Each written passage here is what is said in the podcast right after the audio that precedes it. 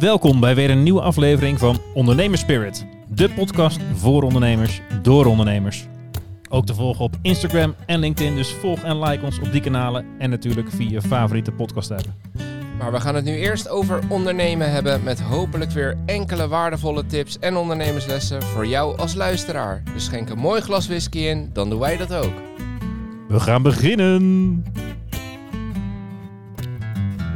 Go. Welkom in het Ja. mooie Utrecht. Zeker. Roy en eh, dit keer ook eh, Arthur Tosma. Dank je. Ehm, ik eh, ga jou gewoon gelijk vragen om jezelf even in te introduceren. Zodat iedereen weet wie eh, de derde man aan tafel is vandaag. Ja, dank je. Eh Arthur Tosma, 43 lengtes jong. Ehm, ondernemer en coach en begeleider van ondernemers. Eh, ik heb in eh, 2007 mijn eerste echte start-up gestart. eh, na wat sp- spielerij eh, tijdens mijn studie. Eh 2012 dat bedrijf weer verkocht. Niet heel succesvol, wel veel geleerd. Dus toen dacht ik, nou laat ik er een boek over schrijven. Want de meeste boeken gaan over, zijn van succesvolle ondernemers die zeggen, doe maar precies zoals ik doe. Maar ja, de meeste start-ups die falen. Dus ik Ja. dacht, nou laten we een boek eh, schrijven over gefaalde, over gefaalde onderneming. Eh, toen tien jaar lang als eh, coach, spreker, adviseur, trainer allerlei eh, ondernemers begeleid en mocht inspireren, docent bij verschillende plekken.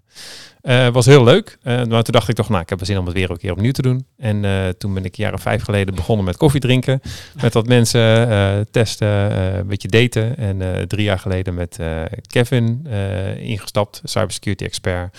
Drie jaar lang een cybersecurity bedrijf gebouwd, maar daar ben ik nu net mee gestopt. Eh, dat was toch niet de match dus, eh, tussen mij en de markt vooral. Dus Ja. toen eh, daarom ben ik net alweer een, een, een vrij man. Ja, ja want eh, we nemen dit zelfs op op de dag dat jij op LinkedIn hebt aangekondigd eh, dat je eruit stapt. Dus ja, het LinkedIn is, heel, wat de waarheid. Ja, dat is de waarheid. Ja, Ja, dus ja, dan, eh, maar dat is relatief vers, toch? De, Zeker. zin, Ja, Zeker. Daar gaan we het ongetwijfeld nog even over hebben. Ja, dat denk ik ook wel, ja. Maar eh, ik moet zeggen ook een kleine welkom terug aan jou, Roy. Want eh, dit Ja. is weer de eerste gast in eh, weken, omdat jij eeuwenlang op vakantie was. nou, misschien nog een paar beter weer moeten Ja, doen. precies. Nee, ja, lekker op de Drentse platteland begeven. Dus de eerste week mijn pa die gehaald. Het heeft echt, echt alleen maar geregend, geloof ik. Zo, ik zat echt na te En we denken. zaten lekker op een camping. Ja. En, nee, ja, maar bij een boer. Dus dat is top. Overal had je laars aan bij die jongens en eh, Mm. die hadden het naar hun zin. De tweede week was ook prima. Dus, eh, ik stond gisteren op de camping. En nu weer lekker aan de whisky. Dus Ja. ja, ja ik heb er wel zin in. Ja, dat is, eh, dat is mooi. Ja, Eh, en dit keer heb jij hem meegebracht. Mag ik hem open? Mag jij vertellen wat je hebt meegebracht? ja. Nou, ik heb eh, meegebracht wat jij had eh, meegebracht. Jeetje. Deze heb ik namelijk van jou gehad voor mijn verjaardag. Ja, dat klopt, eh, ja. Een paar maandjes geleden. Dit is een, eh, een Teeling whisky, de Small Batch. Dat is een, eh, een Ierse whisky. En die, eh, nou ja, eigenlijk inmiddels een beetje vormt traditie. Daar zoek je altijd op voor mijn verjaardag. eh, dat die Ja, nog, eh. Ja. gefinished is op rumvaten. En ehm, ja, verder... Dat is die ook. Dat, dat is die, ja, small batch. Dus dat klinkt als kleine vaten. Ja, ja zeker. En over het algemeen merk je dan vrij stevige smaak. Het is 46%, dus dat valt mee, ja. toch? Ja. Ja, en een beetje met het idee, eh, Arthur, dat jij zei dat jij meer van de hele, of meer van de, de, de smooth bent dan van de hele Mhm. scherpe. Mhm, mhm. Dus ja, daar proberen we dan natuurlijk rekening mee te houden. Ja, Mag jij zo, zo. meteen eh, het oordeel geven of dat Ja. gelukt is? Ja, precies. en er staat hier verder ook geen smaaknotitie of iets. Dus we moeten dat allemaal zelf gaan, eh, Jeetje. gaan uitvogelen. Nou, hij ruikt in ieder geval goed. Het enige wat ze nog zeggen, this is not how everyone makes Irish whiskey. It's our way. That's the spirit of Dublin. Ja. Want Teeling is wel een beetje, zij eh, zijn toen nou, honderd Dus zoveel jaar weer als eerste open gegaan toen. Ja. In Dublin. eh, in Dublin. Dus eh, ja, laat het je smaken, Arthur. En dankjewel. Ja, jullie ook. Cheers. Cheers. Cheers. Sleentje, ja. Maar hij ruikt inderdaad lekker, vind ik, ja. Ja. Hopelijk smaakt hij ook goed. Ja hoor. Komt de keuring door. Ja, ik denk dat ik wel blijf zitten. Ja, nou, mooi. Nou, gelukkig. Als, Ja. als moeten we zelf weer eh zoveel ouwen. Wel fruitig. Ja, heel Lekker fruitig, fri- ja. fris is die en heel zacht. Nou, dan gaan wij achterover zitten en dan eh, mag Arthur zijn verhaal doen. Ja, ik weet bijna niet waar ik moet beginnen, even Arthur. wacht even, want dat vergeten we vaker. Eh, Oh ja. Jij hebt als enige een logo op je glas. Eh, we hebben eigenlijk het enige huiswerk voor deze aflevering is dat hij aan het einde van de rit op moet zijn. Dus hou daar rekening mee met je praten, dat je ook ons aan het woord laat, een slokje kan nemen. En dan is die voor jou aan het einde van de rit. Als, Oh, eh, nou, mooie, eh, mooie herinnering. ja toch? Als thanks alvast voor, eh, voor je tijd en moeite die je hebt genomen. Mhm. En eh, dan laat ik het woord aan jou, Paul, want jij wil hele belangrijke vragen stellen. Ja, want ze Ga ik rustig luisteren. ik ga gewoon beginnen met, eh, eh, ik weet niet of jij dat nog weet, maar toen wij elkaar leren kennen, toen was jij eh, coach, ja, ondernemerscoach, misschien docent toen ook, weet ik eigenlijk niet. Of, eh, Ja, weet ik ook niet meer precies. Maar het was wel lang geleden. ja, bij Climate Kick. Climate Kick, ja. Eh, ik moet ook naar acht jaar denk ik terug of zo. Negen Ja, misschien zelfs ja. wel. Ja, zeker. Acht, negen jaar geleden. Maar het Ja. grappige is, ik weet nog wel heel goed hoe dat ging. Want eh, wij gaven valorisatieworkshops bij eh, universiteiten eh, aan wetenschappers. En eh, daarin hadden wij een beetje een soort van lean startup verhaal voor wetenschappers eh, gemaakt. Namelijk, eh, ga nadenken over eh, je propositie. Dus welk, eh, ga iets proberen te formuleren als een, een probleem waar jouw onderzoek een oplossing voor is. En we koppelen er altijd aan van dat is nu een leuke exercitie geweest. Maar nu moet je gaan praten met mensen. En daar heb je een pitch voor nodig. En wij hebben uren en uren gezocht naar voorbeelden van slechte pitches en van goede pitches. en ja, toen kwamen we een pitch tegen van ene Arthur Tolsma van uh, Greetink. En dat schrijf je met een Q op het einde. Die, eh, eh, eh, Je hebt hem vaak geluisterd. ik heb eh. hem heel vaak geluisterd. ja. Eh, bij ons in de BV. Mhm. Eh, dus misschien is, en, en ik weet nog dat die hebben we toen gebru- die gebruikten wij dan altijd in die workshops. Van nou, dit is een voorbeeld van een goede. Ik kan zeggen, maar wel- welke categorie viel die? Ja, goed hè? Ja, ja, oké. hij, hij heeft eh, de, de show van Jort Kelder bij ons in de BV toen gewonnen. Ja, ja, ja. Dus het was duidelijk een goede, Ja. goede pitch. En een slechte. Maar we hadden er nooit, we kenden jou niet nooit aan jou gevraagd. Stond op YouTube, hadden we gebruikt. Dus ik weet dat ik nog van, oh, met van, oh, dat is de Arthur van het filmpje. Had ik, oh, ja. Dat toen toch maar in de pauze even de stoute schoen aantrokken van, hey Arthur, eh, eh, we gebruiken jouw filmpje al een paar eh, maanden. is dat eigenlijk wel goed? ja, ja, maar dat vond je goed gelukkig. Ja, zeker. Nou, het is wel leuk. Ik weet van zeker 10, 15 trainers of docenten dat ze dat filmpje gebruiken. En ik hoor ook wel eens van mensen inderdaad, als ik het zelf nog vertelde, dat ze er vijf jaar later zeiden van, ach, dat idee heb ik eens vaker gehoord. Oh, nee, ja, ik ken jouw filmpje. Dat heb ik bij een training gekregen. En toen op het moment zelf ook, dat was in 2009 was dat. Ik was toen twee jaar bezig met het, eh, mijn eerste start-up, dus vers uit de collegebank. En ehm, ja, daar deed ik mee aan die pitchwedstrijd. een Onderdeel van de tv-show van Jort Kelder toen. En ik won die. En dat was leuk. Ja, de dagen daarna ook herkend op straat en op het voetbalveld ook. Het is Ja. vet grappig. Ze moest nog aan denken. eh, Ik hoorde laatst, eh, Roy, van jou eh, wat jij zei over de podcast. En je evaluatie van ja, ik wil graag nog een keer een bekende Nederlander hebben. Ja, nou, bij, deze, ja. bij deze. Ik denk niet dat ik echt als bekende Nederlander kwalificeer, maar ik ben wel eens geïntroduceerd Ja. als eh, bekende In Nederlander. 2009 ben je een paar weken bekende Nederlander geweest. precies. een paar uurtjes. paar Dit gaan wij uurtjes. gewoon gebruiken hoor. Ja, ja. ja, mission accomplished. Ja, precies, precies. Heeft dat toen ehm, echt geholpen, zo'n eh, zo'n tv-show winnen? Is dat dan, eh, ik weet echt niet, eh, kreeg je bij dat format gelijk investering erbij? Of, eh, Nee, het nee, nee. Dat was, ik heb één prijs gewonnen en dat was een, eh, een, hele mooie multomap Ja. met eh, daar bovenop ge- op ges- ge- gestickerd eh, winnaar bij ons in de BV. Het enige leuke daaraan is eh, ja, dat hij dus eh, gemaakt dat ik hem voor Jort Kelder heb gekregen. Ja. Nee, voor de rest nul prijs, zeg maar. ah, ja. Maar dat dat was- was multomap. Ja, een multomap. Ja, ja, ja, ik weet, ja, ik heb hem nog laatst gewoon lang gebruikt als, als, als voor de administratie. Ja, dan was dat toch leuk? Ja. eh, maar eh, nee, dat was wel eh, grappig. Nee, verder niks, gewoon niks gewonnen. Maar het, het helpt wel. Ja, eh, als je wint, heb je vrienden. Ja. En als je wint als ondernemer, dat is het wel een validatie, een bevestiging. Dus daarom werkt dat zeker om, om mee te doen met dat soort prijzen als ondernemer. Ik zou het ook iedereen, nou, iedereen kunnen aanraden, niet altijd, maar het helpt wel. Je hebt alleen ook wel eh, ondernemers die alleen maar prijzen winnen. eh, en dan eh, ondertussen niks doen, of Ja. niks doen, gewoon te weinig doen. En de mensen die ervaring hebben, die prikken daar inmiddels ook wel doorheen. Dus ik Ja. heb, zie ook wel eens ondernemers met een mooi plan, of die dan meerdere prijzen achterlopen. En dan denk ik van ja, zit daar echt voldoende achter? Ja. Of is het inderdaad gewoon een mooie marketing? Ja. Maar het, ja, het wat is het? Kun je het zien als free publicity. Dus eh, Ja, want die validatie die je net noemde, bedoel je dat dan voor jezelf van oké, ik ben op de goede weg? Of bedoel je dat eigenlijk voor de markt als ze met jou te maken hebben van hé, hey, maar dat is iemand die... het is eigenlijk meer voor de markt, met deze prijs. Deze Ja, ja, prijs ja. Ging gewoon hoe goed kan je pitchen. Ja. Nou, ik kan toevallig wel goed pitchen. Ja. Hoe goed mijn product toen was, ja, dat was... eh, misschien zal ik nog even vertellen wat het product is. Ja, dat ja, mensen een beetje ja. weten. Ja. Ik ben de enige, ja, wij zijn de, ja, twee derde van deze tafel. Ja, precies. De mensen thuis Als misschien... die, eh, Ja. vraagteken boven mijn hoofd Ja. ontstaan, denk ik. Ja, nou, de 60 seconden zijn voor jou. Nou, zo goed pitchen, dan moet je de pitch maar kijken. Ja. go- go- YouTube Ja. inderdaad. Ja. Nee, eh, we hadden een persoonlijke voicemail begroeting bedacht. Dus als mijn toenmalige investeerder mij belde, kreeg hij geen standaard begroeting, maar dan kreeg hij, hoi Tobias, leuk dat je belt, maar ben even druk te ondernemen. En als mijn vriendinnetje belde, was het, hey schatje, ik vind je heel lief, maar ik kan echt niet opnemen. En als iemand uit het buitenland wilde, kreeg hij een Engelstalige begroeting. Eh, Ja, ja, Dus uh, afhang, een, een voicemail begroeting afhankelijk van. En let wel, dit hadden we dus in 2007 begonnen. Toen WhatsApp bestond nog niet. Dus eh de voicemail Tijd werd gewoon vooruit. nog... eh, ja, ja. Nou, vo- juist niet. De voicemail werd nog gebruikt toen. Ja. Inmiddels wordt voicemail een stuk minder gebruikt. Dus eh, ja, dat, dat wisten we toen nog niet. Hadden we toen nog niet geen rekening mee gehouden. Maar dat was dus baas van het idee. Oké. Maar inderdaad, ja, een prijs winnen helpt wel. Ook Ja. omdat ik merkte wel, toen ik met, toen klant, met klanten in gesprek was, ja, die vonden dat toch wel tof. Ja, dan ben je inderdaad, eh, ze hadden mij op tv gezien, en wat jij al zei, van ja, ja toch even aan Artie vragen of dit. Ja, je, je krijgt op een, op een of andere manier een, een bepaalde status. Ja. Wat dus eigenlijk niks te maken heeft met de kwaliteit van je product. Nou ja, het moet wel een beetje aantrekkelijk zijn. Want de jury die besloot wel dat ik de prijs gewonnen had. Maar ja, het ging toch een beetje om hoe goed je kan pitchen. En Ja. sommige mensen kunnen heel goed pitchen, maar hebben niet per se een goed product. En sommige mensen hebben een heel goed product, kunnen helemaal niet goed pitchen. Maar Nee. uiteindelijk leveren die wel meer waarde. Ja. Ja, ja, ja. Dus, ah, tof. Ja. Ja. was wel een leuke ervaring. Ja, dat kan ik me goed voorstellen, ja. Ja, de, de product market fit eh, eh, moet je goed, eh, goed hebben dan eigenlijk. Zeker, zeker. Ja. En nou heb ik vandaag dus nieuws geleerd. Dat was gelijk het bruggetje. Ja, en ik ben daarna gaan googlen en toen zag ik dus heel veel resultaten. Dus blijkbaar is het een bekende term. ik ken er nog niet. Nee, ja, ik ook niet. De founder market fit. ja. Dat, eh, ja, ik, eh, ik, ik ken de details niet, dus ik weet haast niet waar ik moet, eh, moet beginnen. Maar wat, eh, hoe kom je erachter dat jij als founder niet bij de market fit, want product market fit komt links of rechtsom uiteindelijk altijd neer op praten met klanten. Ja.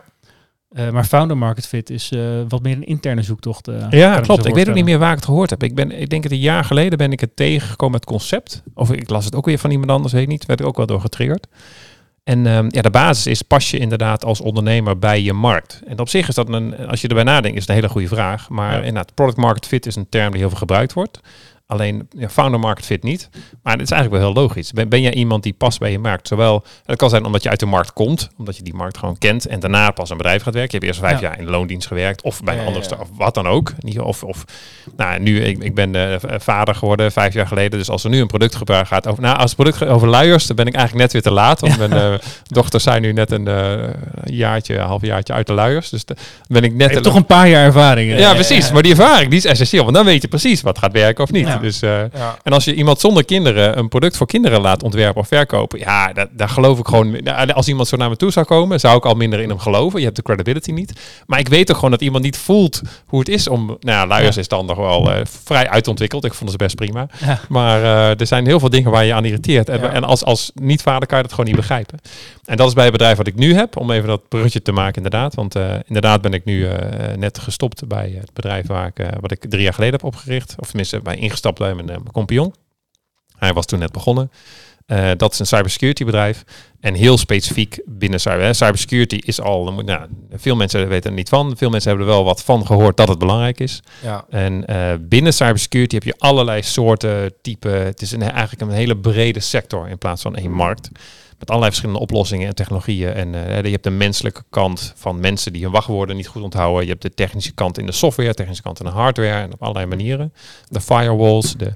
Nou goed, eh, wij, zaten, wij zitten in een heel specifieke software security review. Wat een nou, mannetje of 20.000 wereldwijd gewoon echt snapt. Eh, als startpunt van, van, de, van de markt. En later eh, plannen om daar wel uit te breiden.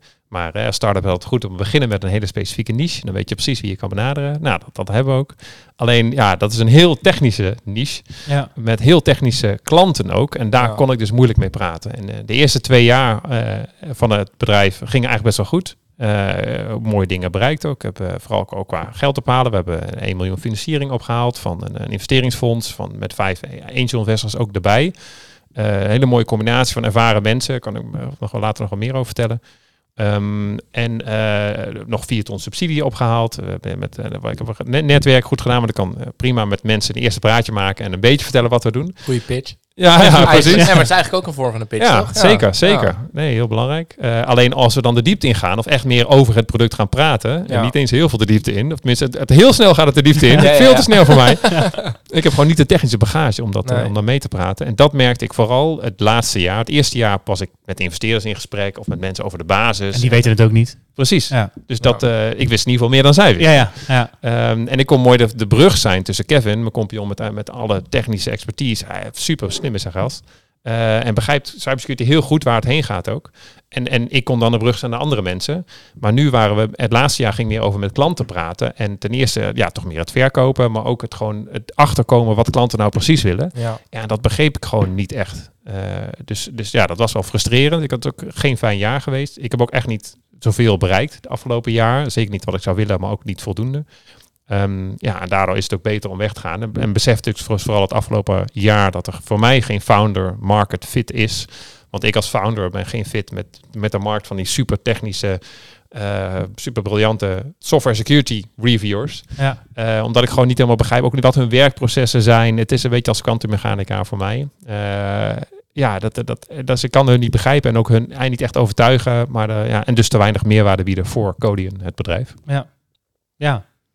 Klinkt super logisch, maar het lijkt me echt... eh, Mhm. eh, Ja, wat was Ja, het eerste Ja. moment zeg maar, dat je beseft van... hé, hey, moet ik dit nog wel willen? Want zeker, kijk, hè, als je ergens werkt... is het al lastig om op een gegeven moment een keer te- tot de ke- keuze te komen van... ja, wil ik dit wel? nou, hoeveel mensen zeggen niet, ik zit die laatste 15 jaar wel uit tot mijn pensioen. Ja, Toch? nee, dat ja, zijn eigenlijk gewoon- mensen die eh gewoon van nog achter vijf- moeten leren van... eh ik ga nog lekker 15 jaar moet werken. Ja, precies. Maar zeker als founder... Nou, twee Ja. dingen speelden. Ik denk, de eerste, dit voelde ik al, nou, het begon ook wel een beetje, nou, negen maanden geleden was ik bij een conferentie in Duitsland. En ehm, daar was ik met mensen in gesprek en vertelde ik dus deze onze pitch. Nou, zijn mensen best, best wel van, nou, wat leuk. Maar een aantal mensen zeiden ook van, ja, nee, ik begrijp het toch niet helemaal. En eh, hoe doe- bedoel je dit? En eh, ja, wij zijn eh, dit niet, ben, niet aan het doen.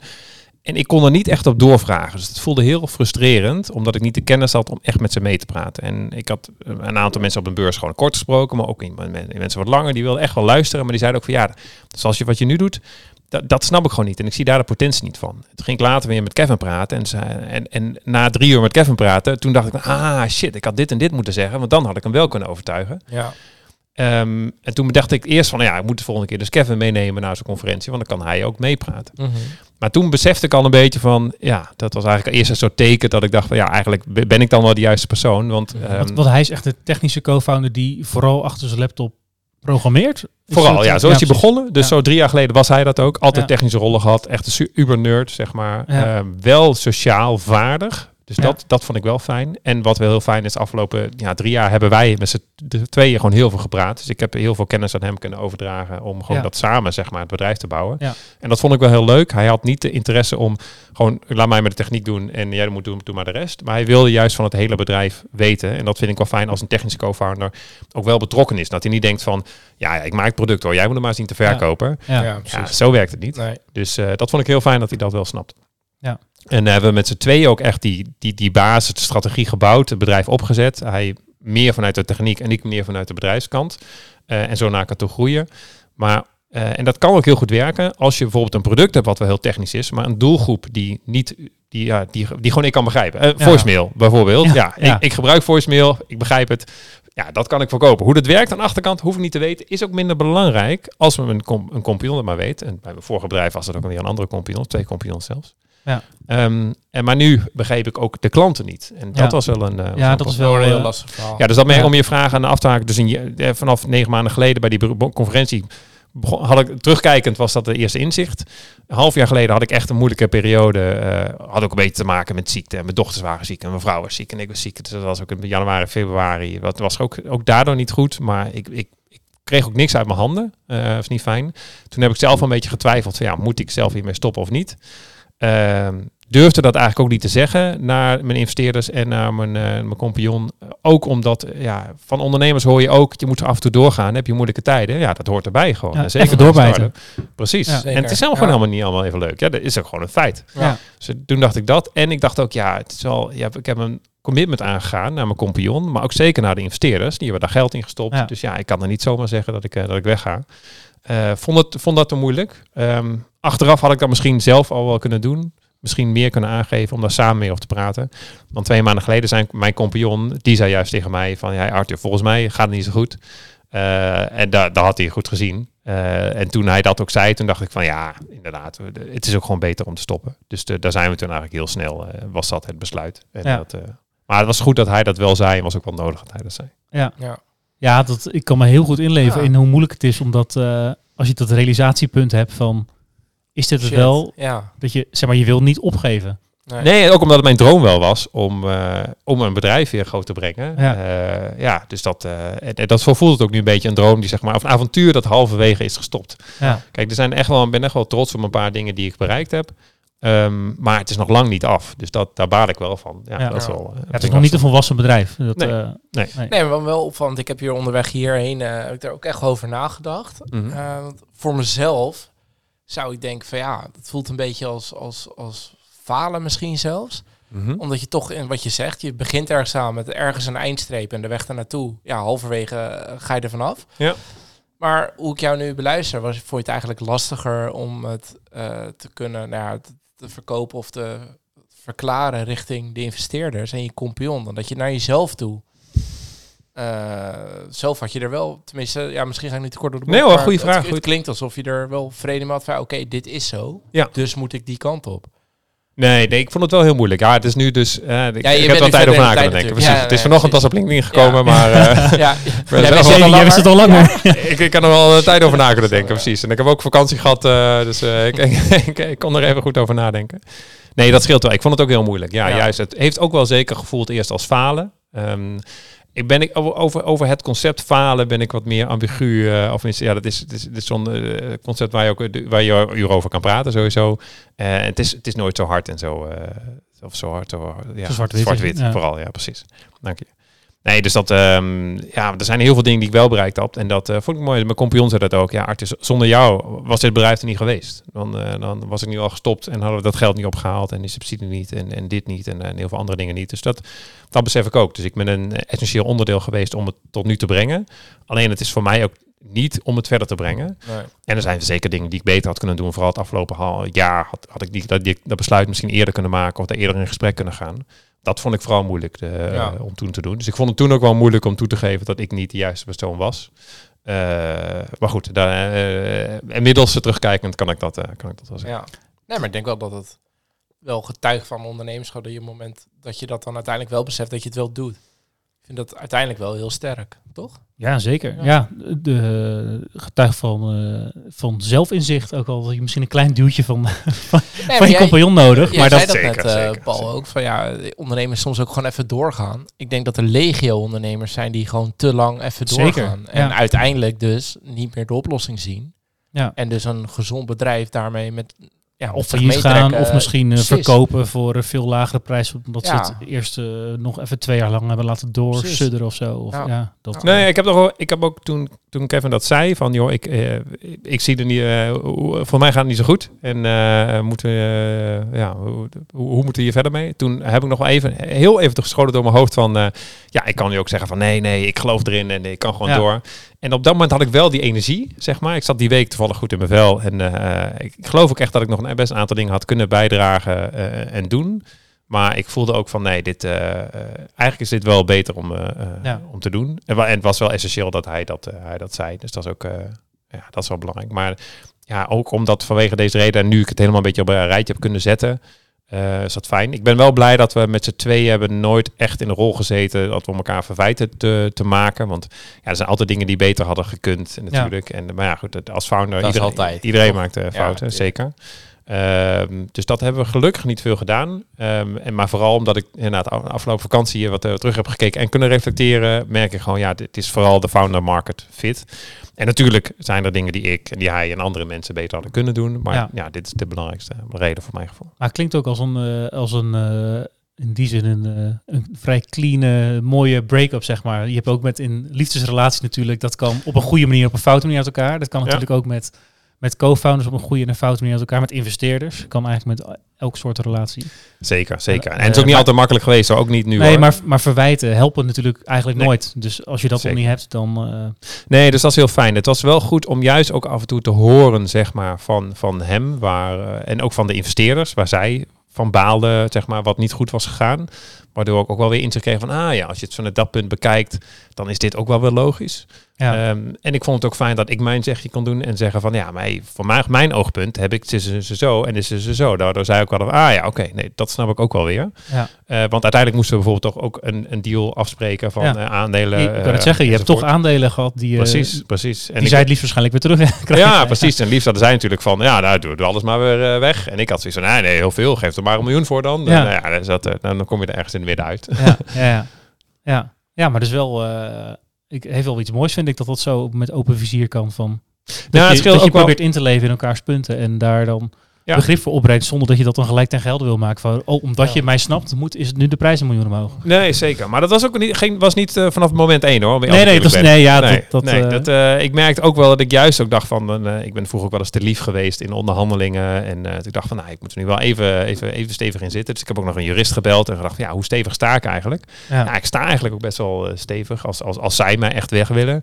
Ehm, dus ik ben er in het begin hard ingegaan, maar later besefte ik ook meer van, ja, wil ik dit nou? Past dit nou bij mij?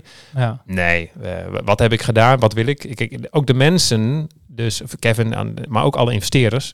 Ja, dat zijn gewoon mensen die ik al een aantal ook al lang ken, al, al, al tien jaar ken of een beetje ken. Eh, uit eerder ondernemer, eh, ja, vanaf mijn eerste start-up bijvoorbeeld. Daar een, eh, een aantal investeerders hadden toen hun eigen, ook een eerste, eerste start-up. Ja, ik mag ze gewoon ook graag, ik gun ze ook ook. En dus ik had ook gezien, ja, uiteindelijk moet het fair zijn en kon ik me daar ook goed in leven. ja. En ik ben wel heel blij mee, want we hebben ze ook wel op uitgezocht. Kijk, je hebt allerlei type investeerders. Hè, de, de types, eh, de, de dragons eh, van de Dragons Den, eh, zoals een beetje bekend staan. De hele strenge, of de mensen die proberen overal een slaatje uit te slaan en je Ja. uit te knijpen. Ja, precies. We hebben ook, heb ik ook wel eens gesprekken mee gehad. eh, en, en blij geweest dat ik daar niet mee heb getekend. Ehm, maar ook eh, ja, deze hebben we gewoon een heel fijne groep mensen bij elkaar. Dat, dat scheelt gewoon ontzettend veel. Ja, om, te- om daarop op in te haken, zo'n, eh, hoe vind je zulke angel van nu ken je ze dan, zeg maar, maar je hebt vaker financieringen opgehaald. Je kan natuurlijk ook zeggen, nou, eh, Rabobank, ING, eh, dit Ja. is mijn plan. Ja. Ik heb eh, vijf ton nodig, ik noem maar wat. En eh, wie wil het bieden, ja of nee? Ja, klopt. Ja, dat, nou ja, de, de- de- bij, bij banken die, die, die hebben natuurlijk een ander risicoprofiel. Ja, Eh, eh, en toen wij. eh, en je koopt ook puur geld. That's it. ja, zeker. Ja, zeker. ja. Klopt. Ja. Nee, want toen wij begonnen hiermee. Even kijken. Het, het was in. ehm, twee, iets meer dan twee jaar geleden. Toen zei eh, een van onze adviseurs. Die, eh, die zei van. eh, nou, eh, volgens mij ziet dit wel goed uit wat jullie aan het doen zijn. Als jullie investeerders zoeken. dan wil ik wel meedoen. Nou, dat was voor mij een, een cue van, eh, oké, nou dan moeten we dus een plan gaan maken. Want als Ja. investeerders meedoen dan, want we hadden grote plannen, ja, en we wilden wel investeerders op termijn. Eh, en dit is een mooie eerste validatie ook. Ja, Eh, toen moesten we natuurlijk eerst een goed plan maken. eh, en zijn we gewoon mensen gaan benaderen. En ehm, het voordeel was dat ik inderdaad wat, wat netwerk had al uit het verleden. Eh, van de ene kant bijvoorbeeld van ondernemers die daarna investeerders zijn geworden.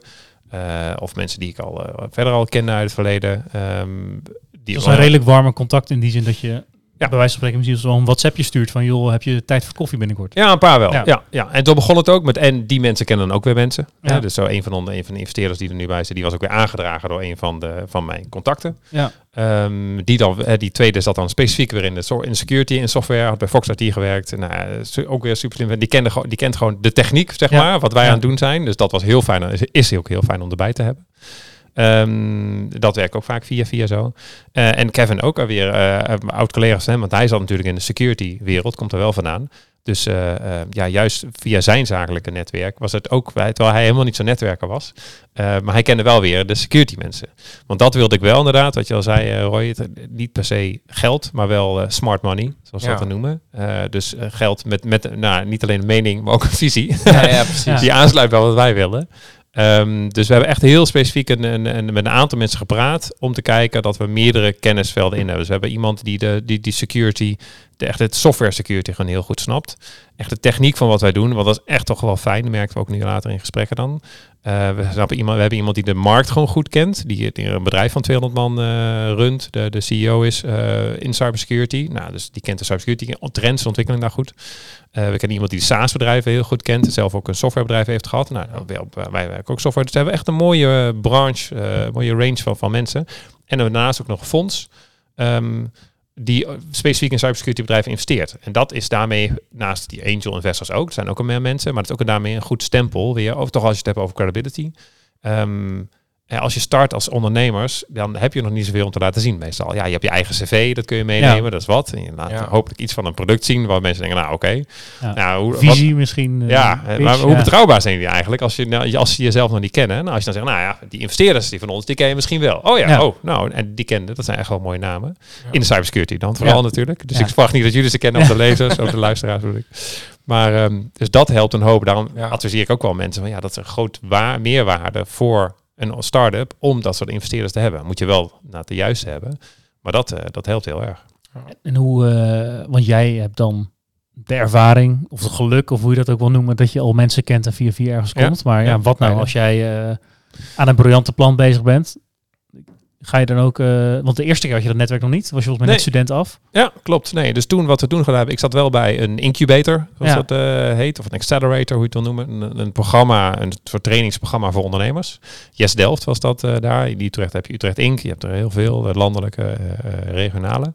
Eh, en daar, omdat daar veel start-ups zitten, komen er vaak ook investeerders op af. Ja. Dus het is dan sowieso slim om bij dat start-up netwerken aan te sluiten. Want daar, daar, kennen, daar komen investeerders ook wel af. Vooral als daar goede start-ups zitten, dan komen er goede investeerders op af. En ook bij een type. Dus als jij een medische start-up hebt, sluit je dan aan bij een medisch netwerk. Want daar kun je dat, dat soort mensen kennen. Ja, ja, ja. En het, wat ook heel erg helpt bij mijn eerste, eerste start-up, hebben we dat ook gedaan. Gewoon heel veel mensen laten weten, wij zijn op zoek naar een investeerder. Ja. En een beetje wat voor profiel. Bij mijn eerste start-up waren we op zoek naar iemand die echt meer commercieel was. Wij alle drie van de TU Delft. Dus echt de, de, ja, eh, nul saleservaring. Dus we hadden wel een commercieel iemand erbij nodig. Eh, ehm, en iemand die de telecom een beetje snapte, uh, Ja. voicemail. En zo ehm, kregen we iemand die adviseerde ons, Tobias Walraven. eh, die had eh, net zijn bedrijf verkocht, of een paar jaar daarvoor, aan KPN voor eh, een paar honderd miljoen. Eh, dus ja, die had en wat geld en Ja. kende de telecomwereld. En er was een ja, eh, en jullie exit-strategie was gewoon, zeg maar, Ja, via ook zijn voicemailberichten. Dat ook wel, precies, precies. Nou, ik kon ons in ieder geval bij KPN binnenbrengen. ja, ja, precies, ja. Ja, dus dat, eh, nee, dus dat, dat, was, dat hielp Ja. gewoon hoop. En dan, ja, dan ga ik een beetje koffie drinken. Maar ook inderdaad via andere, ja, gewoon mensen laten weten. Een beetje Google ook. Je hebt tegenwoordig ook wat platformen waar je natuurlijk crowdfunding, maar ook in het algemeen, waar je meer match plat, match, matchmaking platformen hebt. Ja. Heb je daar ervaring mee ook met dat soort platforms? Of, Ehm, zeg maar, ik, ik heb merk dat ik, eh, eh, ik had het eh, met Roy voor over, we hebben het heel soms wel eens aangestipt in onze uitzendingen, uitzendingen afleveringen, maar nooit uit eigen ervaring. We hebben het allebei wel eens overwogen. Ja. Nou, je weet het, want we hebben met jou een keer, was geen koffie, maar een Ja. biertje gedronken om Ja. daarover te hebben. Klopt, ja. Maar niet gedaan. Ja. En toch merk ik dat ik wel een soort van sceptisch heb bij dat soort matchplatformen. Dan denk ik van ja, de, de, ik heb dan het idee, de goede investeerders, die, krijgen zoveel aanvragen via je netwerk. Die zijn niet afhankelijk van zo'n platform waar ze een beetje anoniem eh, getinderd eh, worden aan, eh, aan mensen. Nou, maar dat is misschien een nee. onterecht... Nee, ik denk wel dat er bij platformen eh, we inderdaad heel veel mensen zijn. dan, eh, veel investeerders vind je nou niet in de, de gouden gids voor Nee, de oudere precies, luisteraars onder ons. Ja. Of, of op Google of LinkedIn. Eh, want als je dat doet, ik, ik heb eerst een klein beetje geïnvesteerd in, een, eh, in, de, in de range startups en dan had ik dat ook op LinkedIn gezet. Nou, ik kreeg meteen allemaal LinkedIn invites van startups die zeiden van, hey, we, we hebben een startup, we hebben cool, je nu onze investeringsronde kan je meedoen. Dus ik heb het weer weggehaald, want ja. eh, ik kreeg zoveel uh, spammail, Ja, zeg maar. Ja, ja, ja. Dus, niet, dus ja, veel investeerders hebben dat niet inderdaad zo staan. ja. Maar daardoor kan zo'n platform wel goed werken. Want dan blijf je een beetje anoniem als investeerder. En je kan zelf dan uitzoeken van, hey, welke start vind ik interessant? Ah, oké, nou, dan Ja, ga ik daar wel eens mee. Ja. eh. dus het, zeker heeft dat meerwaarde. Ja. Er zijn ook heel veel platformen waar inderdaad heel veel mensen maar hun pitch opzetten. In Die, waar de kwaliteit minder is. Precies. Dus ja. de kwaliteit is dan misschien iets minder. Maar ja, inderdaad, er zijn heel veel mensen die dat netwerk Ja. niet hebben. Dus als investeerder, als ik investeerder zou zijn, zou ik zeker op dat soort dingen Ja. ook kijken. Eh, en maar ook zeker bij incubators en, eh, en via Ja. via. Ja. kijken. Ik had me niet zo gerealiseerd dat, dat er natuurlijk heel veel mensen niet per se te boek willen staan als investeerder, maar dat wel zijn. Precies. Ja, Ja. dan hebben we het over de business angels natuurlijk. ja, precies, de mensen ja. naar mensen met geld. Ja. Je hebt natuurlijk ook inderdaad de fondsen. Ja, die zijn we gewoon een website en dan kun je gewoon benaderen. Ja. Die worden Ja. ook helemaal doodgespamd met, eh Ik met pitch decks. eh, Ja, maar goed, daar helpt het dus ook wel weer als je via via binnenkomt. Dat Ja. helpt zeker. Ja. Eh, dus het, fonds wat wij hebben, daar kende ik al na de, onder de, de, de invest- investment managers, omdat we samen onze eerste, hetzelfde tijd onze eerste start-up hadden, allebei. Ja. Dus dat, dat hielp een hoop. Maar dan nog, als je, met, als je een goed plan hebt en, Ja. en eh, wel eh, nou, een goede pitch even, even leert, dan moet je wel je best voor doen. Dan kun je er ook zeker een eerste gesprek hebben. Ja. Ja, dan heb je iets. Ja, natuurlijk gaat het iets makkelijker als je dat eerste gesprek al makkelijker krijgt. Maar Ja. dan zijn er zeker wel mogelijkheden voor. Ja, ik, ik weet ook nog wel dat ik... eh, ik heb Nijrode gestudeerd. En eh, Mhm. ja, die, die zorgen altijd wel voor docenten, zeg maar, die bij dat vak horen. Maar die komen allemaal uit bedrijfsleven. ja, ja, ja, ik ken ook en iemand er was ook ooit iemand, ik, ik weet niet meer wie het was, maar die zei: Jongens, kennis is leuk, dus haal allemaal je diploma. Maar kennissen is veel belangrijker. Ja, dus je ja, moet ja. de tijd die je in je studie stopt, keer twee, moet je stoppen in je netwerk. en dat heeft een beetje. Jij de kroeg in? Nee, maar uiteindelijk, wat je zegt, je moet, tuurlijk moet je een goed plan hebben. Maar als je niet de juiste mensen kent, dan kan je plan nog zo goed zijn. Ja. En dat, dat, dat, ja, dat wat je net omschrijft, Zeker, is eigenlijk dat. Ja, eh, daarom kom, geloof ik ook weer zo in founding teams. Zeker. Hè, dat ja. je dus vaak, eh, de typische start-up is toch één iemand die meer de kennis heeft en de andere de kennissen. Ja. Of de kennissen kan opdoen, of, of de kennis kan opdoen. Eh, Ja. Dat je beide hebt, zeker. Ja. Ja, en dat maakt het ook wel makkelijker om met... Want jij hebt hiervoor dus ook met compagnons. Je hebt nog nooit alleen... Ja, misschien in je, in Nee, nee, nee. Dat is wel grappig. Ik heb wel eens, ja, precies. Ik heb ook als freelancer gewerkt. Ja. Dus ik heb alle rollen wel een beetje gehad. Van, de- van start-up, freelancer, dienstverband, alles wel eh, gehad. Grote organisatie ook nog kort. Bij eh, grotere eh, corporates gewerkt. Wel een corporate innovatie, maar dat was maar eh, korter. Ehm, nee, nee. En ik geloof ook heel erg. En ik heb ook wel nagedacht van, eh, ja, welk, welk bedrijf zou ik nou zelf kunnen starten in mijn eentje? Ja, Ja, nou, in ieder geval geen tech-startup. Geen, eh, en, Nee. en dat is eh, juist de schaalbare, toffe bedrijven waar ik, waarbij ik meer verstand van heb. Het enige wat ik zelf kan bouwen, wat, het enige product wat ik zelf kan maken, is een boek. ja. Dat heb ik gedaan en dat ga ik misschien nog wel een een keer doen. tweede, ja. Ja, ik heb wel... Startup and Downs eh 2. ja, of startups en over. Uh, Startups, and over. ja. Nee, nou goed. Ik heb wel een idee voor een, eh, voor een boek. Dat ben ik af en toe een beetje, eh, de avontuur een beetje mee aan het, eh, aan het Ja. schrijven. Maar dat, eh, dus wie weet komt dat er nog eens. Ja, Ja. Dan nodig je nog een keer uit tegen die tijd. ja precies. Ja, ja, spreker, coach, boekenschrijver, ondernemer. Wat vind je nou als je alles op een rijtje zet? Hè? Laten we even alles scharen als, als Ja. ondernemende activiteiten. Wat vind je nou echt een lastige eigenschap die je dus als ondernemer moet hebben? Wat je echt moeilijk vindt aan ondernemen? Wat ik moeilijk vind aan ondernemen. Ja,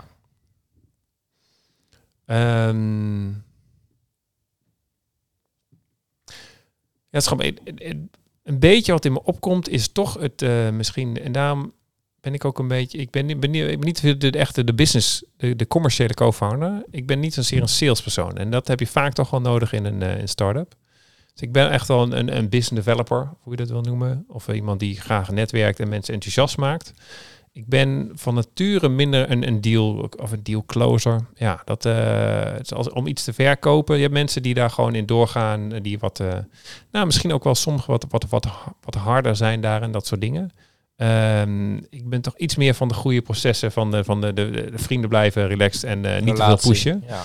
Ja, en op sommige momenten moet je dat wel juist hebben. Iemand die gewoon doorpakt en dan even een beetje pusht. En ik, ik heb er wel veel van geleerd. Ik kan ook prima wat verkopen. Ik heb dat als freelancer gedaan. En ik heb nou, eh, de, de, de aandelen Codian ook verkocht aan investeerders eh, voor, eh, voor een mooi bedrag.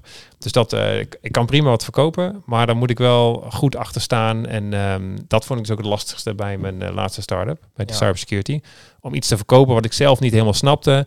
En dan te pushen. En ja, dus dat, dat eh, terwijl dat wel op dat moment eigenlijk nodig was. Ja, gewoon, ja. En dan helpt het heel erg. Want je hebt mensen die kunnen gewoon iets verkopen wat er nog niet is. Ja. Ehm, eh, ja, dat, dat kan ik dus niet. Nee. Of ik moet er misschien heel erg 100%, de 1000% in geloven. En dat ook helemaal 1000% snappen wat dat gaat worden. ja, precies. En dat was het op dit Ja, moment niet. maar dat zie jij dus wel als een belangrijke ondernemerskwaliteit. dat je iets kan verkopen wat er nog niet is. Nee, dat, hoeft niet, dat hoeft niet inderdaad. Maar volgens mij, eh, ik weet, ik weet- ja, wie, wie, wie, wie ben ik waar ik zeg, maar ja, je weet, je weet nooit precies wat, wat het is.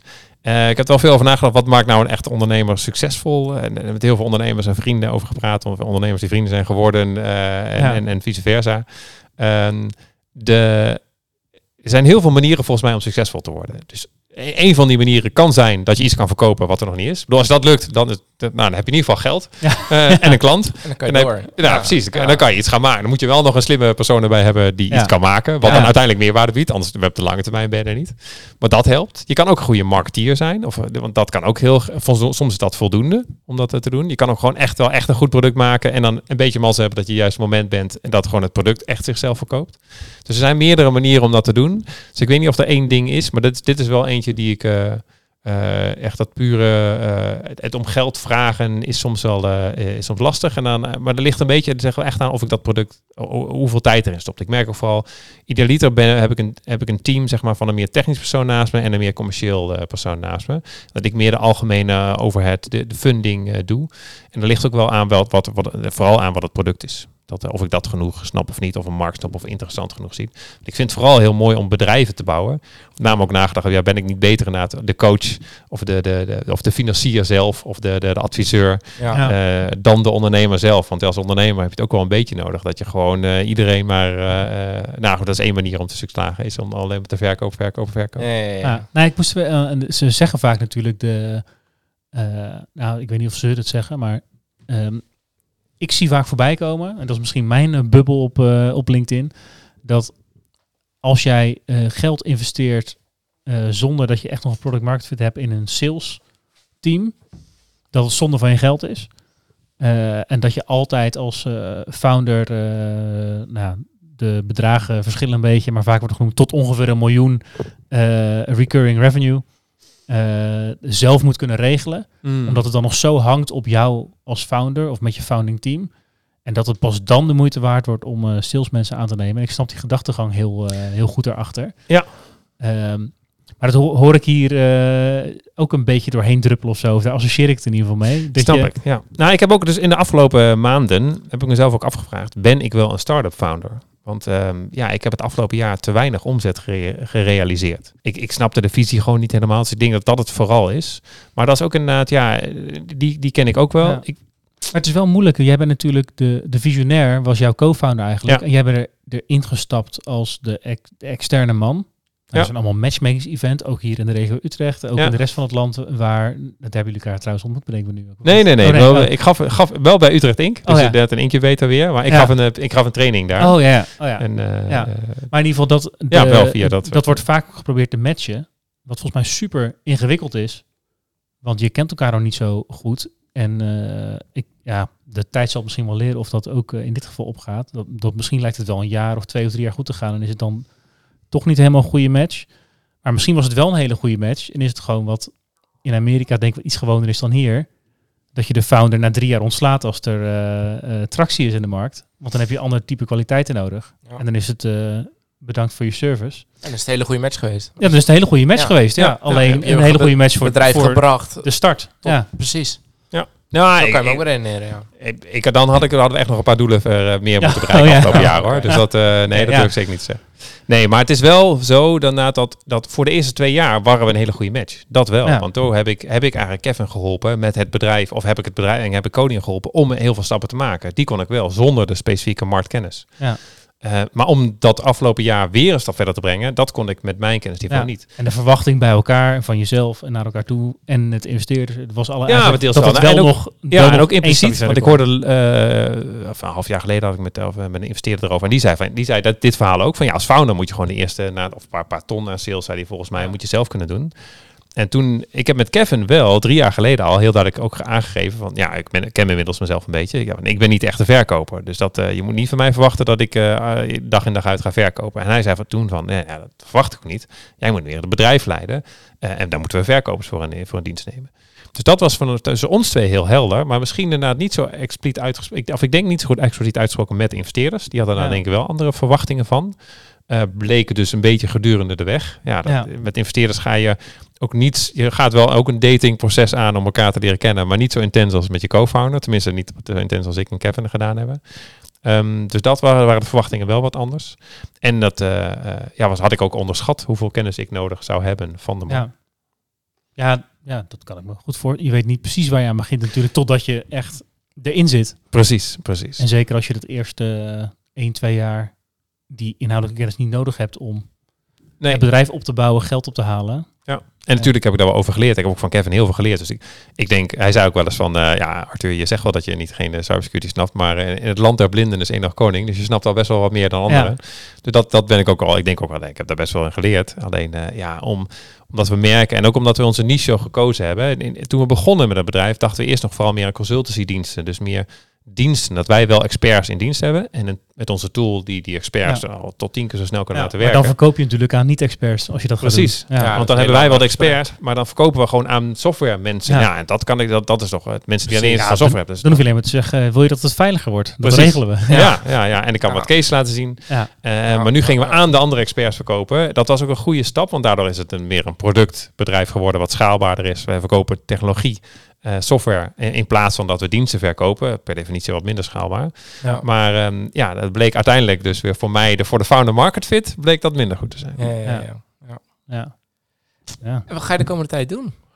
Ja, Normaal vraag. stellen we altijd de vraag van waar zie je jezelf Waar, waar staat het over bedrijf over tien jaar? Ja, Wat, eh, maar, maar, dat, we kunnen eh, nog steeds vragen, waar sta je over tien jaar? Ja, waar sta jij over tien jaar? Ja, goede vraag, goede vraag hoor. Ik vind, ik vind het lastig, vind ik lastig. Ik, ik vind het, het lijkt me zeker leuk om nog weer een start-up te doen in mijn leven. Dus dat hoeft, en- maar juist ook niet nu. Nu, dit was ook best wel een avontuur. Zeker met, eh, ik heb twee kinderen van, eh, van drie, net drie geworden en vijf. Ja. Dus eh, de afgelopen drie jaar waren op meerdere vlakken uitdagend. Ja, ja, ja, ja. Eh, dus Ja. eh, even wat rust, eh, een beetje rust in de tent is fijn.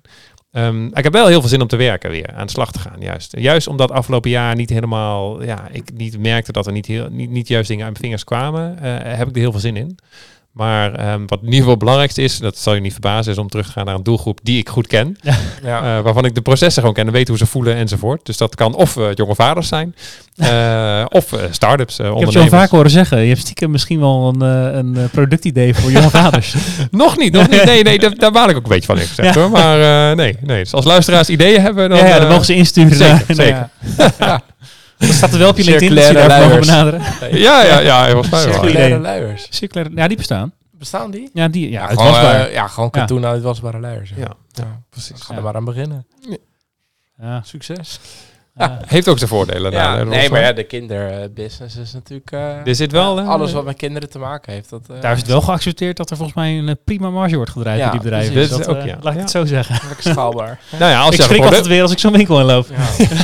Nou, als je een probleem ook echt oplost, dan ben ik ook als vader wel bereid om te betalen. Want als je dan een beetje... Je, ja, Ja, dat is zo. Ja. Genoeg eh, frustraties daar. Ja? Nee, maar dat dat is een doelgroep die ik ken. Ehm, maar het is ook start-up founders. Dus ik, eh, eh, ja, ik ben nu ook een beetje wel in gesprek met mensen en aan het praten om, om juist daar weer te helpen. eh, ja. Eh, bij incubators of als start-up coach of mentor of dat. Eh, specifiek weet, ik- ja, heb ik best wat ervaring met geld ophalen. eh, op allerlei manieren, van allerlei bedragen. Van 25.000 euro tot 1 miljoen. Ja. Van fondsen tot één Dat, business. dat is misschien trouwens ook nog wel een leuke vraag. eh, want ik kan me heel goed voorstellen dat heel veel mensen, als ze luisteren en denken, misschien gaan we ook keer geld ophalen. Hoe bepaal je hoeveel je nodig hebt? Ja, goede vraag. Nou ja, dat is ook wel een grappig verhaal. Voor ook weer bij, de bij, nou, bij beide start-ups die ik heb gehad. En dat zie ik ook heel veel vaker bij andere start-ups. We zijn begonnen met een plan. Maar ja, dan ga je praten met investeerders. En de ene investeerder zegt van ja, met zoveel geld ga je niet redden. Ik zou iets meer doen. En de andere zegt van nee, dat is veel te veel. Je moet Ja. gewoon wat minder doen. Dus dat is, dat is heel, heel goed juist ook. Want daardoor, door, dat, door die gesprekken aan te gaan, krijg je een beter beeld van. En kun je uiteindelijk zelf besluiten van ah, oké, nee, ik denk het nou dat we dit nodig hebben. Want wat die investeerder zei, daar ben ik het eigenlijk wel mee eens. En we snappen nu beter wat je met geld kan. Dus dat is altijd goed om mee te praten. Maar je moet wel een bedrag hebben om mee te starten. Ja. Ja, dan maak je een plan van hoeveel geld hebben we de, de komende jaren, eh, of komende, in ieder geval hoeveel hebben we nodig om de komende twee jaar te overbruggen. Eh, want er, er is dat vaak een gat. Ja, hoe groot is dat gat? En dan doe je nog een beetje extra, want je weet dat er altijd wat misgaat. Ja. Ja. Eh, en daar ga je dan mee in gesprek. En dan zijn er investeerders meestal, wat minst in de fase, hè, als je naar een bank gaat, het is het anders. Dan moet je gewoon een kant-en-klaar plan hebben. ja. Maar juist in de smart money eh, hoek waar ik het meeste van ken en wat ik ook zeker mensen zou adviseren die ook dat die kennis en meer en meerwaarde willen hebben en ik heb ook ervaren hoeveel meerwaarde dat is. Ehm, ja, dan ga je juist in gesprek. En dan Ja. kom je erachter. En ook in ons geval, we hebben voor Codian hebben we het eerst gezegd, nou misschien drie ton. Want ja, we zijn nu nog maar met z'n tweeën. En we hebben vooral een idee. We hebben nog geen klant. Dus ja, dan is drie ton eigenlijk al best wel veel geld voor Ja. twee gasten. Ja. Eh, tot 8 ton, want ja, eigenlijk hebben we dit nodig. Want wat we maken is echt vet, maar dat moet wel gemaakt worden. En dat is wel complexe software. Dus zijn ook goede mensen voor nodig en veel mensen voor nodig. ja, die zijn duur. Ja, eh, en deze markt zeker. Dus ja, misschien wel 8 ton nodig. Nou, uiteindelijk kwamen we op 6 ton uit. Eh, met investeerders ook, eh, ook besproken. En die op het laatste zeiden zij van, ja, ja jongens, moeten we niet toch eh, de, de factor anderhalf erbij gooien? Of moeten we niet toch een, een miljoen maken? Want ja, dat, we denken dat jullie eigenlijk wel wat meer nodig hebben. eh, gezien jullie markt en Ja. de, de, de, de- ook hè, onze doelgroep, die super technische Ja. mensen, die zijn super kritisch. Die moeten echt goede software Leek hebben. dat een terechte opmerking? ja. Of Zeker, Ja. zeker. Ja, ja. Nou, en de ervaring is wel... eh, ja, dus en daar waren we het ook mee eens. Dus, Ja. eh, en toen zeiden we ook van nee, laten we doen. En daardoor geven we natuurlijk wat meer aandelen weg. Hè? Dus dat is Mhm. wel, ik bedoel, het is niet zo dat ze zeggen, nou we geven wel drie ton, uh, ton extra. Nee. Nee, we moeten wel meer aandelen geven. Wel een iets betere deal. Dus eh, ja, daar komen we dan samen in gesprek. En dat eh, ja, dat was, was goed van hun gezien ook. Ja. Maar Dus dan zo- zou jouw tip eigenlijk zijn, ga als jij denkt van ik wil eh, misschien zelfs wel ergens in de komende jaren waarschijnlijk een keer geld ophalen, ga dan gewoon praten met Zeker. mensen om daar een beter beeld bij te krijgen. Hoeveel Ja. moeten Kies zijn. mensen die bij je passen. En niet Ja, en daar per is eigenlijk- het hoogste bod in euro's. Nou, dat sowieso. Want wij hebben ook, we hadden nog een ander bod wat iets hoger was kunnen, kunnen krijgen. Eh we hadden eerst ook al die, die business angels, hadden we op een gegeven moment die vijf van, nou die willen wel. En dan hadden we twee fondsen die uiteindelijk wel interesse hadden. Ehm, en dat, ehm, ja, we konden kiezen tussen twee fondsen. Dat wilde ik ook graag. Dat, dat heb ik in mijn eerste start-up. Hadden we gewoon één persoon uiteindelijk. Ja, die moest het worden. Want hij was de enige die een serieus bod had gedaan. Dus ja, toen hadden we ook geen goede onderhandelingspositie Nee, natuurlijk. nee, dus die nee. deal, als die nu, teru- nu terug zou lezen, dan zou ik eh, het over de kop slaan wat we allemaal weg hebben gegeven voor hoe weinig geld. Ehm, en met, met deze keer ging dat dus een stuk beter. Want we hadden tot het einde meerdere mensen die wilden. We hebben ook tegen een aantal mensen nee kunnen zeggen van nee, want we vinden de match minder met jou als achtergrond. Sommigen vonden echt, weet nog één, Maurits, hele mooie, hele leuke vent, mooie kennis over ondernemen ook, maar in een heel andere sector. Eh, en niet in de cybersecurity sector. Dus dachten we, ja, als we kunnen kiezen, dan, dan heeft hij niet de meerwaarde. En ik dacht ook, als we hem straks in die rij van en in de meetings hebben met alle eh, investeerders bij elkaar, dan heeft iedereen zijn kennis, maar hij had gewoon niet de kennis specifiek van ons, dus dat paste daar ook niet mee. Nee. Dus ik ben heel blij dat we uiteindelijk konden kiezen. En dat zorgt natuurlijk ook voor een hogere waardering, dus een betere deal. Ja. Maar ook dat wij goed konden kiezen wie we wilden. Dus we hebben ook niet voor de allerhoogste deal gekozen. Het scheelde niet heel veel, maar toch gewoon voor mensen die ik ook gewoon echt eh, de klik mee had en wist van, eh, ja, dit zijn de juiste mensen met de juiste kennis, de achtergrond, het gevoel erbij om ons verder te brengen. Ja. Maar ja, daarvoor moet je wel met veel mensen gaan praten. Dus Ja. eh, dus dat zou ik ook wat je zei van met veel mensen gaan praten. Ja, het is een soort productvalidatie. Net als je Ja. zegt als ondernemer moet je eerst met klanten gaan praten om eh, veel klanten ook om te weten hey, doe ik iets wat echt zin heeft. Met investeerders eigenlijk hetzelfde. Van ja, maak ik een plan wat zin heeft. Ja. Want als je een Ja. beetje een plan hebt en investeerder, de meeste investeerders, tenminste, of een goedje, laat ik het zo zeggen, die zullen met je mee willen denken. Van, eh, van ja, oké, ja, nee, dat, er zit wel wat in. Maar dit, dit andere deel, ja, ik Ja. zou het zomaar pakken hoor. Kijk, jij moet het weten, moet je het zomaar pakken. En als je dan een half jaar later terugkomt en zegt van, nou, goed punt, eh, beste investeerder. En we hebben er nu iets anders gedaan, maar wel een beetje zo, want we hebben ook nog met tien andere mensen gepraat en dit is uitgekomen. Dan denkt een investeerder ook van, hé, hey, die, die luistert, die Ja, persoon is coachbaar. Eh, eh, en nu geloof ik er inderdaad in. En als ondernemer is dat zo waardevol. En, en helemaal bij mijn eerste start. We hebben met alle investeerders gepraat. Maar ook nu weer. Ja, ja, je krijgt gewoon zoveel input over de markt van mensen die het kennen. En ook mensen die zeggen, nou ja, eh, dat weet ik bij mijn, eerste investeerder ook nog. ehm, eh, die verwees me door naar een aantal mensen. Ga eens met die praten, want die weet er wat van. En die verwees me weer door naar iemand anders. Niet alleen puur als investeerder, de- in- met andere investeerders, maar ook met andere ondernemers uit dezelfde sector waar je veel van leert. Ja, dat is toch van een start-up of een, een bedrijf in een beginfase. Ja. Je moet leren. Je moet gewoon leren waar de markt niche precies zit. Wat er precies die behoefte is. Hoe je die moet aanspreken. Wat Ja. je plan moet zijn. Welke benadering. Welke doelgroepen. Welke kanalen. Ja, daar leer je heel veel van. Door te sparren met andere ondernemers. Tenminste goed. Ik, ik in ieder geval. Ja, in jouw ervaring is dat... eh, Precies. Ja. Ja. nee, dus dat zou ik ook eh, zeker juist adviseren aan mensen die denken over investering. Ja, ga met mensen praten. Ook mensen die als investering hebben opgehaald. Van hey, hoe, hoe heb jij dat gedaan? Wat was belangrijk? Eh, met, met, eh, ja, met mensen over. Er zijn heel veel mensen die daar gelukkig over en kennis over willen delen. ja, zeker. Ah, tof. Ja, toch de, weer de kennis hè, van, van Nijrode. Nou ja, maar dat is wel Ja. zo. Uiteindelijk kom je samen wel verder. Ja. Alleen je moet wel net die mensen kennen en weten te vinden die ook bereid zijn om iets in die zin weg te geven, zeg maar, qua kennis. Of gewoon echt gewoon willen helpen. Ja, maar dat verbaast me inderdaad. eh, ook, en, en nu weet ik het inmiddels al, maar, en, en nog steeds. En maar helemaal als je met jonge ondernemers of startende ondernemers.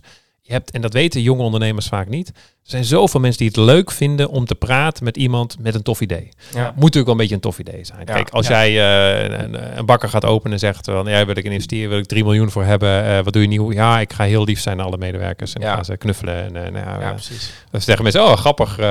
Succes. ja, Eh, hou me op de hoogte. Ja. ja. Ehm, nee, maar als je iets bijzonders doet, vinden mensen ook gewoon leuk. En zeker ook investeerders. Als je echt gewoon wel je huiswerk hebt gedaan. ja. Ja, die, die- zij leren er ook weer van. Wat er Ja. speelt in de markt. En, en soms is het geen match. Of soms is het ook niet. Het geloof niet in. Maar dat leren ze ook wel van. Dus Ja. ja.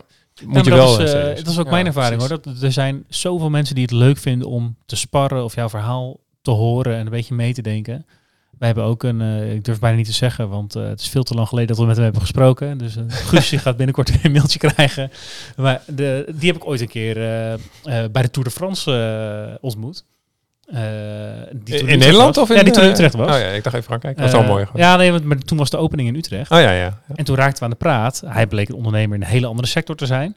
En vond het interessant wat wij deden. En sindsdien is hij ja, een soort van mentor. En dan spreken we af en toe met hem af. En dan klankborden we een beetje. Maar ja, super nuttig voor ons. Omdat hij met een heel ander perspectief, met meer ervaring, eh, naar ons kijkt. Ik ken niet de hele sector goed. Dus dat eh, is in zo'n geval heel erg nuttig. Ja, ja. Dat eh, de advisor Juist, market fit, die moet niet te sterk zijn Ja. in dat soort gevallen. Maar dat is super nuttig. Maar ja, voor hem is het gewoon leuk om af en toe een beetje wat aan te horen en eh, wat tips te Ja, en vooral mensen die wel bij- of een schaapje op bedroog hebben of een prima hebben en de tijd Ja. hebben. Je moet er, Ja. ja, ja, ja, Ja, mensen ja, die ja. ze doen. Maar eh, eh, nee, mensen vinden dat vaak leuker Ja. inderdaad. Heel leuk om te doen. Het is wel grappig, want wij hebben natuurlijk ook wel eens tegen elkaar gezegd, ook in de podcast, van er zijn zo knetterveel coaches en iedereen noemt zich Ja. tegenwoordig maar coach. En ja, in hoeverre moet je dan nog geloven of iets echt meerwaarde biedt? Maar zeker op dit punt komen alle ondernemers die wij te gast hebben ook wel met zorg dat je met iemand praat of kan Ja, spiegelen zeker. die Ja. het liefst niet uit jouw branche komt, maar wel snapt waar het over gaat qua ondernemen, bouwen, groeien, die alle Ja. stappen al een keer heeft doorlopen. Maar het hoeft natuurlijk geen eh, gecertificeerde eh, holistische Nee. aardbei-schotelcoach te zijn of zo. Dat, Nee. is, zeg maar, dat is juist iemand die het zelf heeft gedaan Nee, en het precies, leuk vindt om mee te Juist denken. uit de ja. praktijk. En Ja. Het verbaast me ook altijd hoe weinig mensen een raad van advies hebben. ja. Hebben wij ook niet. Nee, We hebben wel wat mensen waar af en toe mee sparren, maar niet een in- in formele principe van advies. Hoeft ook niet per se formeel te zijn inderdaad, maar gewoon mensen, wat je zegt, die, die dat is al iemand die Ja. eigenlijk inderdaad eh, twee keer per jaar of in ieder geval, maar het is ook leuker dat hij dus met jullie meegaat.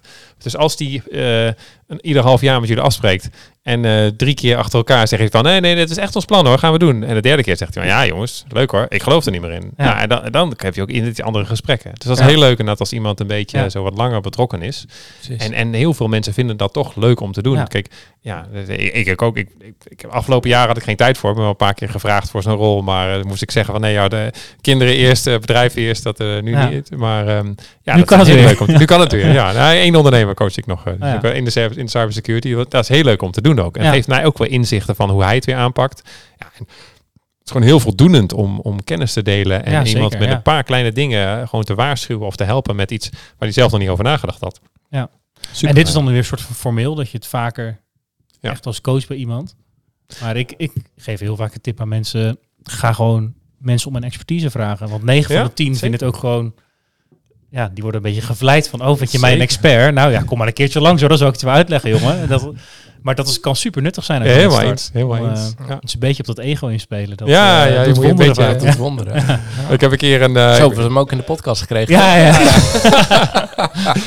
nee, zeker. Ik heb een keer een, eh, ook een heel mooi berichtje gekregen, LinkedIn volgens mij. eh, dat ook gedeeld weer op, op, op, op LinkedIn of een blog. Van iemand die zei van ja, Arthur, ehm, ik heb een keer je, ik weet nog goed, of, of drie jaar geleden heb je mijn workshop gegeven. Vond ik zo super waardevol. Dank je wel nog daarvoor. Nu ben ik hiermee bezig. Zou ik nog een keer van je expertise kunnen gebruik maken? Ja, tuurlijk. Ja, Ja. ja. Ja, Ja. nee, dat- Ja. goed, als je dat, drie dat soort mailtjes op één dag krijgt, dan ga je vaker nee zeggen. Ja. Maar, Ja, ja, ja. eh, Ja, nee, ja, dat is ook een kwaliteit, eh, nee zeggen. Ja. Zeker, zeker. tof. Maar dat is een beetje wat je vroeg had van wat ga ik doen. Dit is ook een van de dingen, juist dat over financiering. Ja, heb ik veel kennis mee. Dus startups helpen juist met financiering. Vind ik een mooie. Want dat, eh, dat lijkt me ook leuk om te doen. Want ik merk, Ja. nou, als je daar geen verstand van hebt, is het zo'n wereld om te ontdekken. En sommige ondernemers zeggen van ja, je moet dat echt wel zelf doen. Financiering, want het gaat om jouw bedrijf. Ja. En dan ben ik helemaal eens dat je ook zelf volledig betrokken moet zijn. En uiteindelijk Ja. moet je als ondernemer de keuze maken van hey, met wie wil ik in zee gaan. Want dat is net zoals een co-founder. Ja, iemand geeft je aandelen, dus die ben je zeer waarschijnlijk voor de rest van je ondernemersleven ben je daarmee getrouwd. Ja. Ehm, maar ja, als je daar niet de kennis van hebt, denk ik dat ik iemand met een veel betere deal kan helpen, zeg maar. Ja, Eh, en ook gewoon inzicht in wat voor partijen zijn. Dus of, of juist meer aan de financierskant. Dat lijkt me ook leuk om de, aan de Oh ja. investeringskant te zitten. Omdat ik juist ook weet hoe ondernemers hun verhalen mooier maken. Of, min, Ja, of, ja, ja, of niet zo mooi kunnen maken, terwijl het wel heel mooi is. Ja. Ja, ja, ja, en ze ook precies. als je eenmaal aandeelhouder bent als investeerder, om ze dan te kunnen helpen. En juist Ja, groeien ja, over ja, die ja. jaren heen. Dat is ook een hele mooie rol om te hebben. Ja. Dus dat zijn een beetje dingen waar ik nu aan, eh, aan denk. Ze mogen mensen doorsturen die eh Nou ja hoor, early is goed. stage... eh, Ja, precies. Ik zal, ik zal ook nee zeggen af en toe, Ja, maar ja. eh, mag zeker Over twee, drie jaar uh, één groot succesverhaal in de podcast. ja. Van Eh, de match weet die jullie nog? gemaakt hebben. Ja, ja, ja. precies. Dat is leuk. We vragen altijd, maar dat is nu misschien een beetje... eh, nou, kan ons nog steeds wel. Ja. Zeg maar, eh, als je dan eh, dat punt hebt bereikt over tien jaar, maar dat is nu dus nog een beetje... Een, Welk eh, punt een mistig welk punt. Ja, Maar eigenlijk, eigenlijk de, de vraag wat de vraag is van eh, vier je successen. Wij, noemen, wij hebben dat dan over de fles van succes. Heb je een, ons- ja, een mooie fles whisky ergens staan voor als je dat succes bereikt? Of vind je eigenlijk eh, onzin, eh, we moeten elke week kleine succesjes vieren? Eh, maar heb jij zoiets? Ben je goed in successen vieren? Of heb je iets staan voor, nou, als ik dit bereik, dan... eh, Nou, ik heb nog wel een, eh, een mooie fles champagne al, al een tijdje liggen voor wachtend op, op, op een moment. Maar dat is Ja. meer, die had ik een keer gekregen. Dacht ik, oh ja, die moet ik niet zomaar openmaken. Ja, dus ja, laat ja. ik die maar, eh, maar liggen. Ehm, nee, dat is niet een, eh, een groot ding. Ja, de, eh, nee. Ben je goed in successen vieren? Is dat, eh, dat is natuurlijk best vaak wel een ding voor ondernemers. Van, nou, dat, Je gaat maar door, ja, vaak. Ja, we klopt. kunnen een feest geven als we daar zijn. Als we er zijn, van, nou, eigenlijk moet het eh, nog even keer twee voordat we echt, eh, echt Ja, kunnen klopt. vieren. Ja, dat vind ik lastig, want er zit wel in mijn achterhoofd en zeker ook gezien mijn eerste start-up, omdat ik daar inderdaad ook gevierd werd en eh, nou goed, ja, ook, ook Jort Kel die zei na afloop van die show, zei, nou dit wordt zo, of zelfs tijdens de show zei hij volgens mij, nou dit wordt gewoon een succes. Ik bedoel, eh, ja, het product verkoopt zichzelf. Volgens Ja. mij waren dat zijn letterlijke Oh, ja. woorden. Ja. Eh, nou, helaas. Dus niet Even helemaal. over validatie. Als Jort Kelder dat zegt, ga je daar wel in geloven, Ja. toch? Ja, precies. Ja. En vooral als eh broekie net uit de industrie. Nou ja, Ja. ik was iets een paar jaar ouder. Maar ja, dus dat was. eh, nu weet ik ook van, ja, is leuk allemaal, maar wat is nou echt succes? Aan de andere kant weet ik ook wel weer. Tenminste, dat had ik in het begin juist inderdaad. Had ik juist de durfde ik succes niet te vieren. Eh, en nu weet ik ook weer, ja, alles is gewoon een stapje naar de goede richting. Ik heb, daar moet ik misschien ook eens een keer een boek over schrijven, maar ik heb een, een idee van zo'n. eh, eh, echt, hoe, een start-up is uiteindelijk eh, een soort cv wat je bouwt. Wat je over, over vijf jaar wil je een deal van een miljoen hebben of van, van drie miljoen. Of wil je die drie, die drie miljoen omzet hebben. En daarvoor moet je een deal van een ton kunnen maken. Eh, maar aan alles wat je nu doet, bouwt een beetje aan het cv wat je hebt. Hè? Je moet wat, eh, je moet wat, eh, een cv is gewoon dingen die je gedaan hebt. Dus je moet Ja. wat ook klantprojecten gedaan hebben. Ehm, je moet wat prijzen winnen. Dat staat ook altijd goed op een cv. Dat, Ja. Ook een ondernemers-cv. Je, je moet een, team hebben van mensen. Dat is ook een soort van je cv. Dus als een soort, een soort start-up cv of ondernemers-cv. Ehm, dan moet je opbouwen. En, en, en het het risico is dat je het alleen gaat vieren als je inderdaad die 1 miljoen hebt. Maar eigenlijk kun je bij ieder stapje wat je hebt, kun je ook wel vieren dat je een, een, een stukje puzzelstuk hebt gelegd. Ja, ja, ja. is Dat is ondernemers-cv canvas, eh, zie ik. eh, Ja, ik, ik heb zelfs een workshops voor maken. Ja, daar heb ik wel eens over nagedacht. Ik heb zo'n canvasje een beetje geschetst. online cursus van bouwen. Ja, precies. Heb ik nog, toch nog niet eh, doorgezet en nagedaan. Maar als luisteraars daar behoefte aan hebben, dan eh doe, krijgen ze een gratis workshop voor, voor proberen. ja. Kunnen ze experimenten kunnen ze Precies, meedoen. Ja. Precies, ja. Nee, dus dat, ehm, ja, nee, maar dat, dat, dat vieren vind ik wel, eh, ja, een beetje, een beetje dubbel dus inderdaad, ja. We, we hebben het ook al gevierd, ook met Kevin heb ik gelukkig dingen ook goed gevierd. En daar konden we echt wel van, eh, van genieten. Ehm, maar dat hoort een beetje bij het ondernemen, denk ik. Dat je ook weet inderdaad, als je een investering binnenhaalt, leuk, maar die miljoen betekent ook 1 miljoen euro aan verwachtingen die Ja. je binnenhaalt, Ja. eh, die je goed moet uitgeven. Dus ja, het is een succes, je moet het vieren, eh, maar de dag daarna meteen weer door. Ja, dat hoort er een beetje bij. Ja. ja. Ja. Wil je Hela. na deze wijze woorden nog wat wijze woorden toevoegen aan, eh, aan luisteraars? Ondernemerstip. Ja, De ondernemerstip of advies? Of eh, houden we hem bij eh, vier Nee. successen, maar daarna gelijk weer door?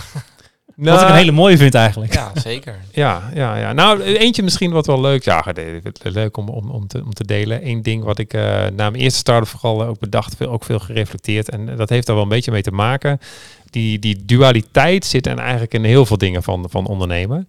Ehm, en een van de dingen, ik, ik ben een voetballer al, al ruim 35 jaar, eh, voetbal ik. En eh, ehm, ook wel eh, de metafoor die ik daar zie met ondernemen is dat eigenlijk, ja, je moet als ondernemer moet je een beetje de, de haast hebben dus om door te gaan. Dus, dus net als je succes hebt, moet je niet te vieren, je moet er niet lui van worden. Maar je moet er wel zelfvertrouwen van krijgen. En dat is een beetje net als met voetballen. Je moet voetballen met het zelfvertrouwen van een 1-0 voorsprong. Maar met de urgentie van een 1-0 achterstand. Ja, ja, ja. Want ik weet niet of jullie sporten of... Ja. eh, Voetbal ook, ja. Voetbal ook, ja, ja, ja, ja, ja, precies. zeker. Als je 1-0 achter staat, Ja. dan denk je van, oké, fuck, shit. Eh. Nou moeten we aan de bak. En die urgentie heb je nodig. Ja. Eh, maar als je 1-0 voor staat, dan krijg je wel een vertrouwen van, ah yes, oké, we kunnen, we Ja. kunnen deze wedstrijd winnen. Ja. En aan het begin weet je dat het helemaal zeker. Ja, precies. En je hebt echt beide nodig. Dat, Ja, dat, ja, ja. dat zelfvertrouwen en die urgentie. Ja, En dat is wel een balanceeract. ja. Ja, toffe, toffe tip. ja, Ja. Goede metafoor. Daar gaan we mee afsluiten, denk ik. Ja, gaan we mee afsluiten. Dank je. Dan eh, zie ik jou volgende week. Dan eh, zie ik jou zeker Dan, eh, volgende week. Ik zie dat het glas leeg is, dus Ja. eh, die gaat mee naar huis. Ja, dank voor je tijd en waardevolle inzichten.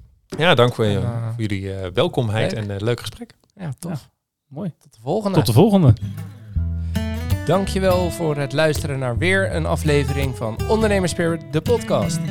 Hopelijk vol met wijze ondernemerslessen en natuurlijk inspiratie voor schitterende whiskies.